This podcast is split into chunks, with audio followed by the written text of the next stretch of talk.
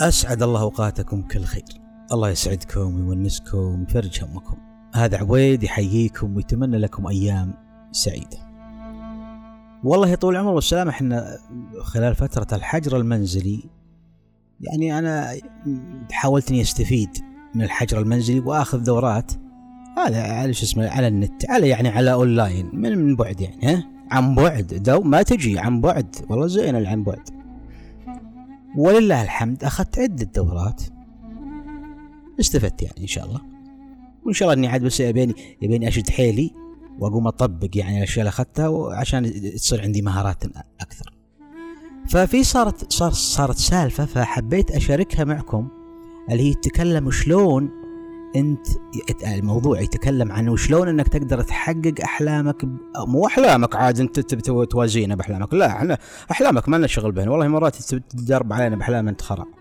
لا إحنا نقول لك يعني شلون تحقق أهداف بعض أهداف. خلال 365 يوم يعني خلال سنة.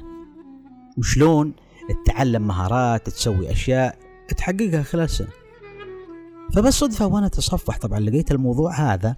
إن واحدة تتكلم عن الموضوع. هذا مسويت له عده مقاطع. طبعا آه، موقع يعني هذا الموقع مثل ما تقول آه، اسمه Skill مدري Skill مدري شيء ثاني. يعني تشترك بفلوس والمحتوى اللي عندهم كله مدفوع. يعني ما ما, ما في شيء مجاني مجاني إلا حاجات بسيطة. عموما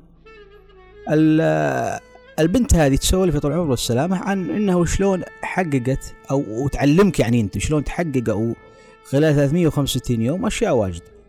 وهي خلال 365 يوم يعني خلال سنة حققت أشياء واجدة.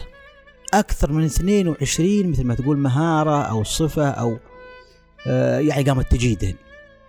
الطبخ والتصوير والتصميم و آه، اسمه المونتاج وتعلمت لغة جديدة تعلمت التطريز تعلمت الخياطة تعلمت وأشياء أكثر أقول لك حول 22 شغلة بسنة. فتشرح تقول شلون إنكم أنتم تقدرون تسوون السوالف هذه؟ يعني خلال سنة تستفيد منها. الطريقة بسيطة طبعا.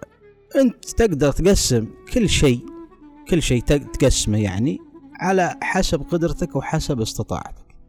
يعني مثلا والله بتعلم الطبخ أنا وأشوف كتب الطبخ هذه مثلا جبت لي كتاب ولا جبت لي مقرر ولا جبت لي شيء به 200 300 صفحة أو مقطعين ثلاثة أو 60 ساعة 20 ساعة. يعني مقاطع الفيديوهات فتقول خلاص أنا كل يوم بشوف لي ربع ساعة أو عشر دقائق أو نص ساعة حسب أنت فضوتك. أخصصها للطبخ مثلا. وبعد أخصص لي خمس دقائق عشر دقائق ربع ساعة للمهارات الثانية. يعني خلال فترة يمكن ثلاث شهور تنجز لك كم شغلة. اي كم شغلة. وانت جالس يعني تقول جزء جزء لا تخليه. أحسن ما تقول لا بالله ما أدري شلون ما عندي وقت هالي أنت فاضي.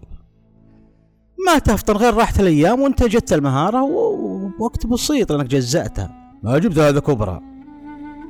بالطريقة هذه. فعلا فكرتها حلوة وزينة يعني وأنا قلت حالي أشاركها معكم وأنا بادي بادي إني أسويها الحين. بادي يعني اجزء الشغلات اللي ببالي. على لو كل يوم فعلا وفعلا جربت يعني إني أسوي مثل ما تقول آه، أربع أو أربع أو خمس شغلات بيوم وقسمت. قلت مثلا بتعلم الشيء هذا أخصص له ساعة والشيء هذا أخصص له نص ساعة والشيء ففعلا بديت يعني أحس إني مع مع كم يوم يعني ما طولت لكن حسيت إني فعلا صارت عندي مهارات. لكن زبدة الموضوع اللي أنا بعلمكم عليه واللي أنا اكتشفته مو اكتشفته لا بالله بس يمكن أنا فطنت له. وحاول يعني حبيت اني اشارك أشارك هالمعلومة معكم. أكيد ناس واجد انتبهوا للشيء هذا. أكثر الوقت يعني يوم قبل ليه ما تسوي الشغلة هذه؟ ليه ما تنجز الشيء هذا؟ ليه ما تتعلم الشيء الفلاني؟